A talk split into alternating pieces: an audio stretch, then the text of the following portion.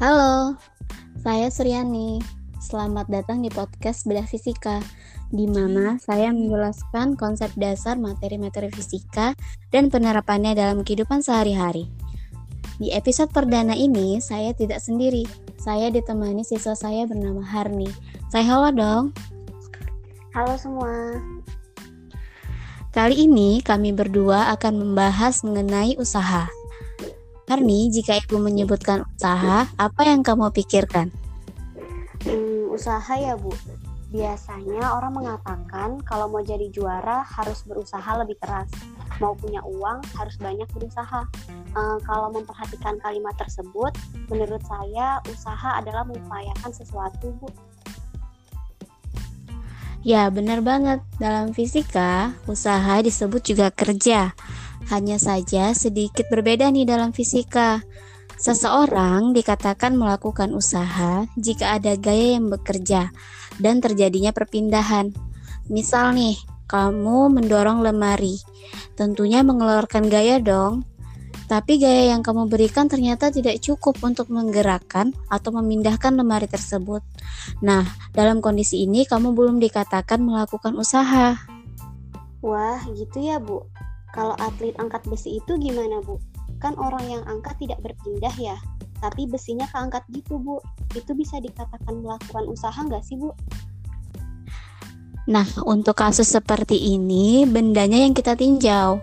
Karena posisi awal benda kan berada di bawah, tapi setelah diangkat di atas kan artinya benda tersebut berpindah.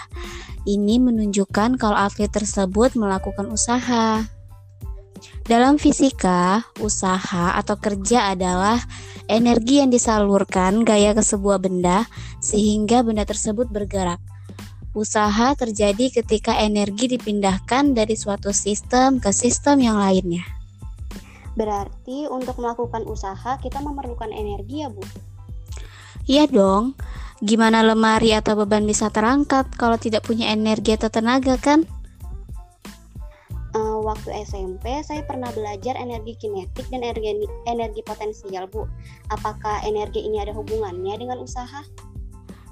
Ya, benar banget. Energi kinetik dan energi potensial memiliki hubungan.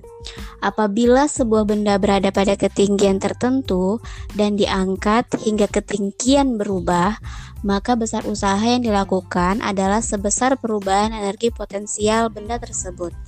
Begitu juga untuk energi kinetik. Apabila sebuah benda mengalami perubahan kelajuan, maka besar usaha yang dilakukan sebesar perubahan energi kinetik yang terjadi pada benda tersebut. Uh, jadi kesimpulannya usaha sama dengan energi potensial atau usaha sama dengan energi kinetik. Tinggal menyesuaikan kasus yang terjadi ya Bu.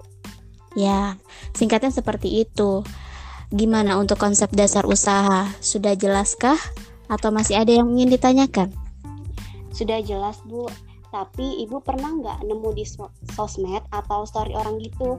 Ada tuh orang yang bilang gini, jika hidup ingin ada perubahan, maka jangan banyak gaya tapi perbesar usaha. Cocok banget kan, Bu? Nah, bener tuh. Kelihatan kan kalau ilmu fisika itu kepake banget kalau kita benar-benar memahami konsepnya. Nah, oke, okay, terima kasih ya Harni sudah menemani Ibu hari ini.